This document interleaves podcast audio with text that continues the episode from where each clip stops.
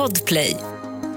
Hej och välkomna till The Daily Messiah. Det är onsdag den 25 januari. Det är alltså lyningsonsdag. Det är underbart, eller hur Jan? Ehm, ja, för de som får lön den 25 så är det nog underbart. Ja, och det här har väl varit liksom, det här är väl den längsta, men man bara ser de här rubrikerna, att det här är den jobbigaste ekonomiska månaden för, ja men för alla är det väl. Ja, och den fattigaste veckan är förbi.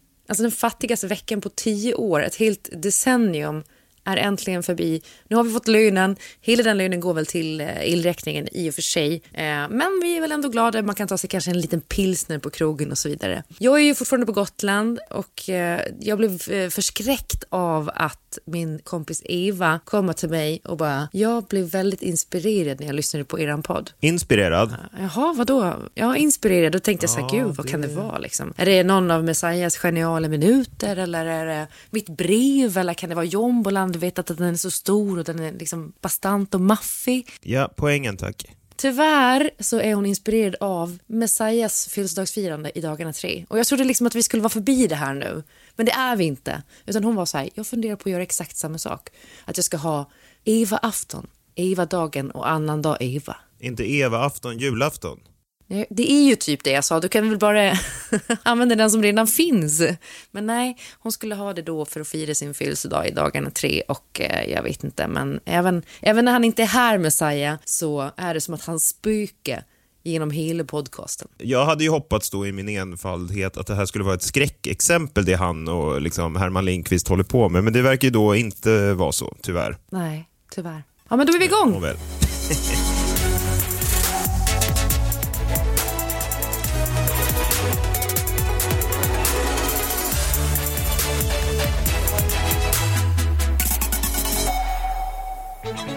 En annan grej som har hänt är ju att Ruben Östlund har trippelnominerats till Oscarsgalan. Alltså i kategorierna för bästa manus, bästa regi och bästa film då för filmen Triangle of Sadness. Och svensken Ludvig Göransson har ju också nominerats i kategorin bästa originallåt. Jag tycker att det är så jävla roligt och gulligt att vi svenskar ändå är lite så här, oh wow, eh, vad kul att, eh, att någon av oss liksom är där och tävla. Men det känns ju som att Ruben Östlund är liksom större än Sverige nu. Det är lite som om Alexander Skarsgård skulle få ett pris. Han känns ju inte som att han är en av oss längre. Han är ju born and raised borta i Hollywood och har liksom tappat lite svensk kopplingen kanske. Även om man är här väldigt mycket. Men är den nominerad, den är nominerad, inte som de här, den här konstiga då som, eh, alltså det här konstiga kategorin utländska filmer som man aldrig förstår någonting av, utan han är nominerad som det vore ja. en Hollywoodfilm. Eller liksom inte i, i Exakt. Ja, det är ju imponerande. I riktiga kategorier. Inte bara att vi måste ta någon från resten av världen också för att vi ska få in pengar för den, eh, det priset. För jag antar att det säkert bygger på att det är sponsorer som betalar för det priset, att man betalar för att skicka in bidrag. Jag vet inte exakt, jag har inte gjort någon granskning av Oscarsgalan. Men eh, Triangle of Sadness kammade ju hem storslam eh, i måndags då på Guldbaggegalan. Det var ju kul att den vann där. Däremot så vann den ju inga priser på um, Golden Globe som var nyligen. Så um, jag vet inte om vi vågar hoppas för mycket. Ja, det, det skulle ju vara kul om... Men kul att Ruben får gå på Oscarsgalan. Ja, verkligen. Och det vore ännu roligare för oss svenskar om Ruben gick upp och sopade på programledaren när han väl är där. alltså han skulle göra en riktig sån eh, skamfull bitch slap på programledaren. Hur fan ska eh, liksom Oscarsgalan i år toppa förra året? Det måste ju vara omöjligt. Eh, ja, jag tror att det kommer att vara omöjligt. Ehm, men i och med att också Will Smith är inte där, det kanske hade varit bättre att han faktiskt var där och att de gjorde en grej på att han kom och ber om ursäkt och så. Fast det är dumt att skämta bort också. Så nej, jag vet inte ens vem som ska vara programledare i år. Det känns som att det har varit väldigt mycket locket på. Men, ehm, ja, men vi håller tummarna helt enkelt för Ruben Östlund och eh, hoppas att han kommer eh, hela vägen upp på scenen och får ta emot den där guldstatyn. Ehm, min man var i London och, och jobbade med produktion och kom hem till någon regissör någon gång som hade liksom den där Oscarsstatyetten lite slappt stående i sovrummet. Vilket jag tyckte var otroligt eh, nonchalant på ett härligt sätt. Men du, ja, du menar att han inte hade, alltså han hade liksom inte ramat in den och så, utan att den bara stod Nej, alltså på liksom lite slängd i på en hylla bland, ja men du vet man, man har inne på ett glas vatten och lite så här, bara skit, krimskrams, någon gammal sovmask och jag vet inte, någon snarkskene kanske. Men det är ändå intressant att han har den i sovrummet. Man tänker ju att han har använt den till någonting Ja. sovrumsrelaterat. Gud, men du tänker så. Och nu när du säger det så undrar jag vad fan Kjell gjorde i hans sovrum. Ja, det, ja, nej det, det, det får du fråga honom. Ja, ja gud. Vad har den där eh, statyetten varit? Ja, det kan man fråga sig. Ja, Usch, inte nu blev det obehagligt. gråta. Ja, vi Jag tycker vi går vidare. det. Ja, det tycker jag också.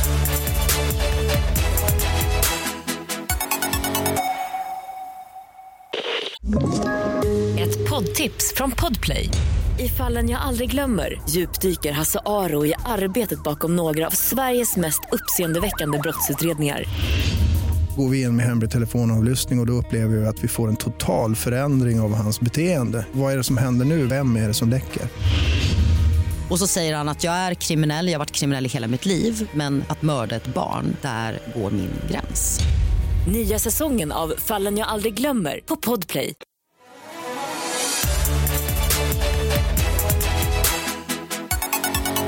Ett par gånger i veckan så tar han fram den och även om Messiah inte är här så gör du det idag igen och så drar du liksom en lapp ur den, den store och bastante Du kan bara säga, alltså vi spelar bara vignetten, vi behöver liksom inte Varför- vi kan bara, du du kan bara spela vignetten. Jag har också märkt att det har hänt någonting med den där jävla vignetten i slutet på den. Som, jag vet inte om det är ni som har smugit Vadå? in det eller om det är Henrik Karl. Ja, men det är nog, det är, Nej, nej, jo, nej, nej, det är en grej i nej. slutet. Ni har lagt till den. Tro inte att jag inte märker det här, för det är inte fan är det Henrik Karlsson som har gjort det, utan det är någon av er som har varit och pillat med den. Så att det är Men obehagligt. vet du ja, du vet för det. Det är ett stönande i slutet som, som inte ska vara med i originalversionen. Det är någon konstig remix Är liksom. du säker på att det inte är du själv? Alltså det känns ju som att, jag vet inte, är du inte lite foliehatt nu kanske?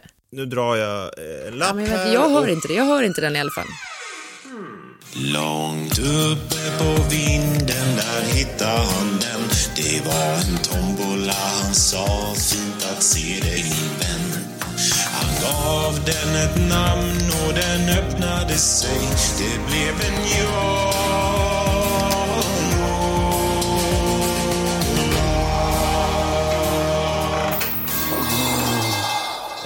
den, ska, den ska bort i alla fall, men det får vi ta itu med sen. Eh, nu drar jag här. Jaha, sammanfatta Sverige 2023 med hjälp av tre nyheter. Oh jävlar, ja det... Alltså du tittar framåt i tiden då, tänker jag. Nej, nutid Redan nu vet du jag. allting. Ja, jag ska ju tolka, alltså 2023 är ju, är ju inte framtiden, utan den är ju nutid. Eh, det är ju 2023 Men det är ändå grejer som, okej, som inte har hänt. Du, spanar, du, du tänker att det, du kommer upptäcka trender kanske? Nej, jag vet inte hur man, man kan ju tolka den här lappen olika, det är inte, det är inte jag som har, eh, som, som har skrivit den, men eh, ja, men jag ska ge mig ett, ett försök i alla fall. Eh, när jag liksom kollade igenom nyhetsflödet här precis innan vi gick in eh, i inspelning så det var tre historier som stack ut tyckte jag och jag tänker att det kanske sammanfattar Sverige 2023 lite grann. Eh, först har vi då eh, Leif GW Persson och Edvard Bloms eh, kulturbråk. Har du hängt med någonting i det? Eh, nej, inte alls faktiskt. Eh, det låter ju otroligt spännande just att de två skulle komma ihop sig. Ja, Alltså det är ju liksom nästan bitch-slap på Oscarsgalan-nivå. Fast liksom i, i lille Sverige. Ja, det hade ju varit någonting om GV eh, kommer upp och bitchsläpar Edvard Blom eh, i sin programledarroll i, kö- i ett kök någonstans. Ja, det hade ju sett ut. Men, eh, ja, men jag kan Men sammanfatta jag är, det inte, lite. jag är inte säker på att scenen håller för dem båda, det är ju problemet. Det där får stå för dig. Men det började ju med då, om du inte har hängt med, det började ju med GV fick då en fråga om Edvard Blom i samband med att GV släppte sitt nya Rieslingvin. Eftersom då Edvard Blom också har släppt ett Rieslingvin, så två kändisviner. Och GV sa då, Blom har jag svårt för, han är så självgod. Jag trodde han var påhittad. Det här är någon som Hasse och Tage hittat på, trodde jag. Någon som har smitit från Mosebacke monarki. Mosebackes tönt, Edvard Blom. Men han var på riktigt, dundrade Leif GW Persson i intervjun med Expressen då, häromdagen. Men Eh, också väldigt smal referens med Mosebacke. Jag tänkte att GV ändå var folkligare än så. Det är också en gammal referens, alltså Hasse och Tage. Alltså, det finns väl andra Ja. som har skapat karaktärer alltså sen Hasse och Tages tid, tänker jag.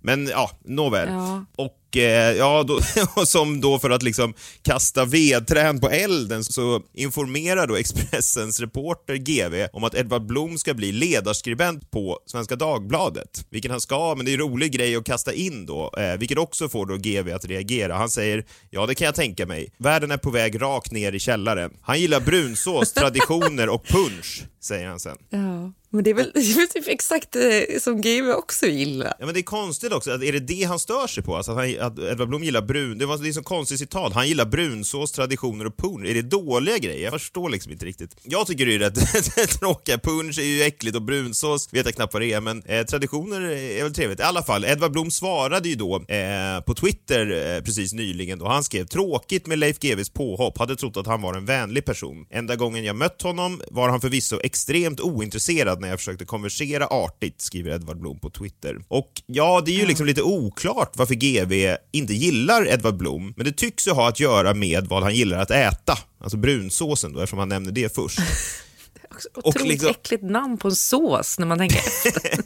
ja, verkligen. Men det är kanske är därför han använder det. Alltså, det är kanske en diss i deras värld. De lever ju liksom i en... För det känns ju som att det bara är GW och Edvard Blom som kan bli irriterade på vad liksom en annan människa föredrar för mat och dryck. Alltså vi kanske inte förstår deras referenser då. Alltså, den där mannen gillar brunsås. Det är bland det fulaste man kan göra. Jag fattar inte. Nej. Framförallt GW verkar ju liksom sur på, eh, på Edvard Blom. Jag vet inte riktigt vad man ska göra av det där, men jag tror att det kan säga någonting om samtiden världen. För det är ju en annan eh, härva som håller på att rulla på fortfarande, den här ålfiskehärvan. Har du hängt med i den då? Ja, men lite grann. Att eh, statssekreteraren till Ulf Kristersson har svartfiske, eller? Ja, precis. Exakt. Det är ju alltså då att Moderaternas statssekreterare PM Nilsson har tjuvfiskat ål.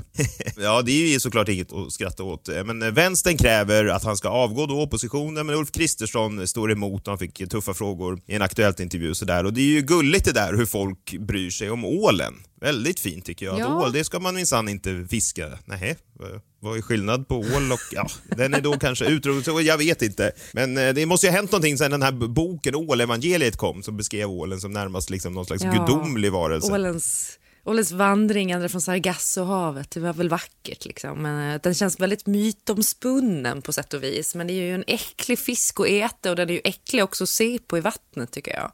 Och ålar i brunn som kan bli flera hundra år gamla, förlåt men det är, det är väl det äckligaste vi har. Ja, och även om det är vissa, alltså, jag har bara så svårt att se att folk skulle bry sig om ål, alltså att det är så här, och du har tjuvfiskat ål igen. Det är ju verkligen en politisk liksom, ja, alltså jag tänker så här, man står upp för ålen om man är vänster och man skiter i ålen om man är höger höger och det kunde lika gärna vara åt andra hållet. Skitsamma. Ja men verkligen. Men på tal om eh, hala ålar, eh, Skansen-Jonas handel med utrotningshotade djur har ju ifrågasatts i en DN-granskning här i veckan också. Läste du det här DN? Han föder då tydligen upp den här Skansen-Jonas eh, sällsynta djurarter som till exempel papegojor i sitt privata hem och sen säljer dem dyrt. Jaha. Men du, du vet att jag har haft två papegojor va? En som hette Elvis och en som hette Berit. Och Elvis, det var ju han som jag råkade bränna ihjäl på spisen, tyvärr. Det var verkligen inte med mening. Jaha. Men, äh, ja. Shit, du kan bli Moderaternas nya skulle... statssekreterare. jag tror inte att jag får jobb hos Jonas på Skansen i alla fall.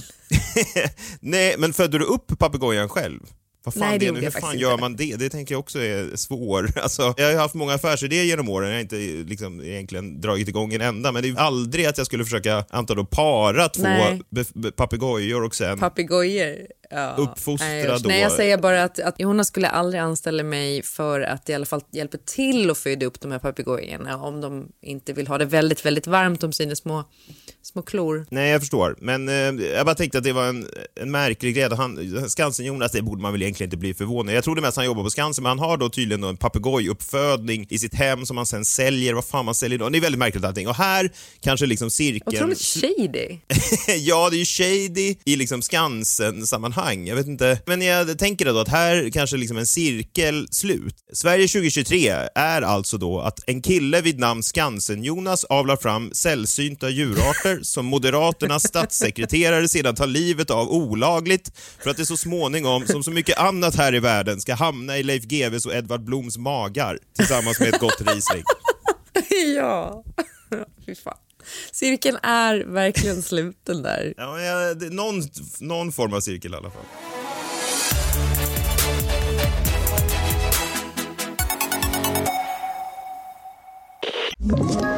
Ett poddtips från Podplay. I podden Något Kaiko garanterar östgötarna Brutti och jag, Davva, dig en stor dos skratt.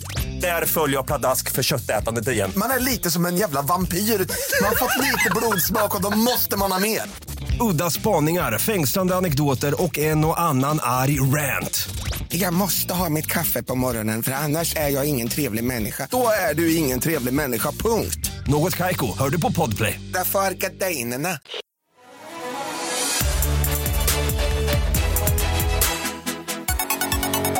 Hörde du förresten att Skansen också håller på att utredas nu för att de har sålt silkesapor till någon slags djuraffär som ska avla fram nya silkesapor som man typ jag antar då skulle kunna skaffa en silkesapa och ha hemma. Det tyckte jag ändå var lite kittlande sådär. Lite, det hade jag kunnat tänka mig. Jag vet att min mans pappa Pavo, han hade ju en apa några år på 70-talet som hade kommit med någon sån här fraktbåt från Afrika eh, som, som han höll i hemlighet. Då. Ja, okej. Ja. Vadå? Nej, men ja, nej. Nej, men du, det var bara en apa som, den var hemlös när den kom fram till Göteborg och, och då gav pappa Pavo den ett hem bara. Det tyckte jag var fint ändå, men det visade sig att det är ganska svårt att ta hand om en apa. Eh, generellt så. De låter en del. Ja, stör grannarna och sådär. Det kan man ju tänka sig. Ja.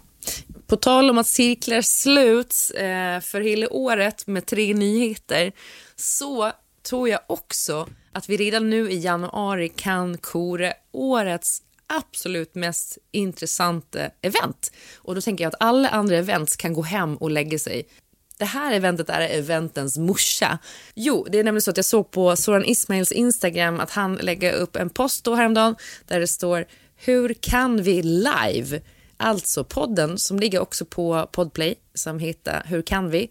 Eh, de har en livepodd den 28 januari 2023. Ja, det är ju nu, ganska snart till och med. På eh, Intiman i Stockholm, lördag då den 28 januari klockan 18.00. Där vi får träffa namn som, och hör på det här nu, håller du i dig John ens? Eh, ja, men jag hoppas ju att det är Edvard och GV nu, men det, det kanske inte är då. Ja, men de kanske tillkommer, vem vet?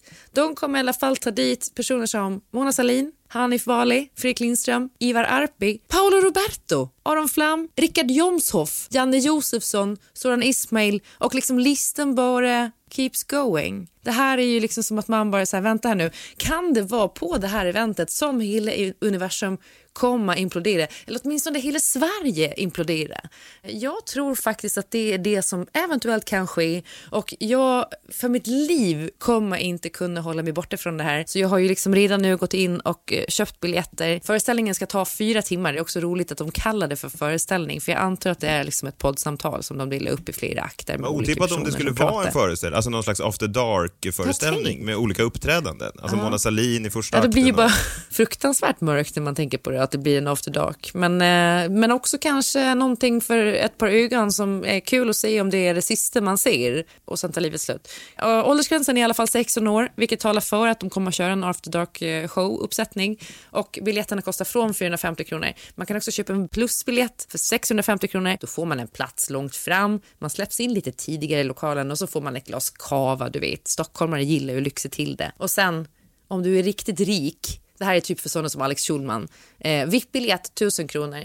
Då kommer man in till i lokalen, man får ett glas cava men man får också följa med på en exklusiv och för allmänheten stängd efterfest med några av gästerna från kvällen. Jag tror, jag tror att det kan vara ett problem eh, om några av de här deltagarna som du rabblar upp eh, nu, jag tror att några av dem inte ska stänga in sig med gäster i ett privat rum efter den här föreställningen. bara, bara några, jag vill inte nämna några namn, men jag bara tänker att det, om man skulle ge någon slags PR-råd till dem så är det inte, stäng inte in er med, med, med liksom folk eh, på privata efterfester. Självklart så har jag ju tagit den dyraste VIP-biljetten så att jag får gå på den här efterfesten. Det går ju inte att missa. Det kommer ju eventuellt vara det sista som, som sker innan jorden kunde eh, på grund av det här. Eh, så ja, vi ses på Intiman på lördag.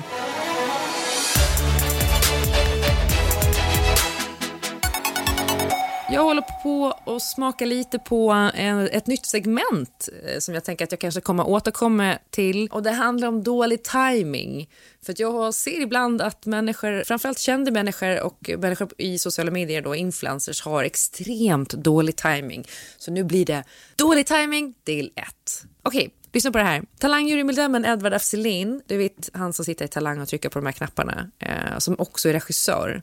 Han postade ett filmtips här eh, i veckan när det var Guldbaggen Yra och eh, då skrev han exakt så här. Hundra år efter alla andra såg jag äntligen denna otroliga dokumentär. Sensationellt arbete. För er som missat måste ses på HBO Max nu. Och filmen han tipsade om var ju då Estonia, fyndet som ändrar allt. Det som är dålig timing här är ju att exakt samma dag, ja, nu, alltså så här, ett år efter alla andra kom Edward af Sillén.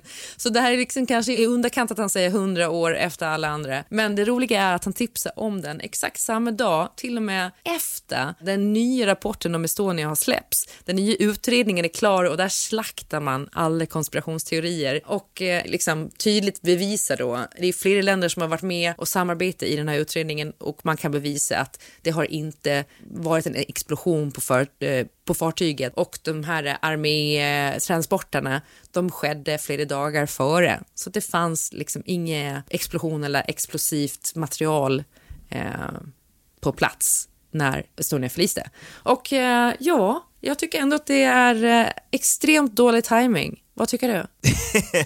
Ja, jag vet- inte vad man ska säga. Det är ju otroligt att han tipsar om den. Vad kan man säga? God jul, Edward, kan man väl säga. Verkligen. God Sen- jul, sen- Edward af Sen är det också, jag ser, sen är det också ser jag många alltså, som håller på och sågar då att nej men va- varför gav vi stora journalistpriset till den här Henrik Evertsson som gjorde den här dokumentären? Jo, jo, absolut, men det kan man ju säga nu i efterhand. Alltså, han hittade ett jävla hål i Estonia, alltså som den första Ja. utredningen sa inte fanns där. Jag menar, det är väl... Exakt. Alltså, kalla det vad du vill, men det är ju ett stort journalistiskt gräv. Och jag menar, sen om då utredningen, den, hela den här utre, nya utredningen lanserades eller tack vare hans dokumentär, och sen har man kommit fram till, ja det där hålet, vad fan kom man fram till att det där hålet var? och Var kom det ifrån? Ja, exakt. Nej, du ser, Men det är fortfarande i- frågetecken. I, ja, fast nu låter du ju som en dåre och i bästa fall får en dåre rätt till slut. Eh, Men det är väl så det brukar låta här i The Daily Messiah och vi försöker hålla oss flytande resten av dagen. Men imorgon så är vi redan tillbaka och då blir det krimmorgon. Vad har du för fall på gång till oss då, John? Ja, men det är en riktig, det blir ett Thailands kanske mest kända mord, och med mest kända så menar jag det som jag har läst mest om. Vadå, Har du blivit så här indoktrinerad thailänning nu? Alltså att du, du tror att du är en av dem? Nej, men jag ser det väl mer som att eh, det är inte jag som hittar fallen, utan fallen som hittar mig. Ja, Det kan jag ändå köpa. Ja, vi eh, hörs imorgon. Ha det bra så länge och ta hand om er där ute. Hej, hej! Hej!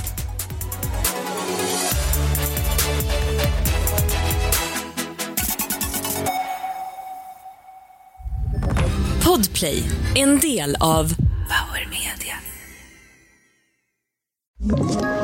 Ett poddtips från Podplay. I podden Något Kaiko garanterar östgötarna Brutti och jag, Davva, dig en stor dos skratt. Där följer jag pladask för köttätandet igen. Man är lite som en jävla vampyr. Man har fått lite blodsmak och då måste man ha mer. Udda spaningar, fängslande anekdoter och en och annan arg rant. Jag måste ha mitt kaffe på morgonen för annars är jag ingen trevlig människa. Då är du ingen trevlig människa, punkt. Något Kaiko, hör du på Podplay. Därför är gardinerna.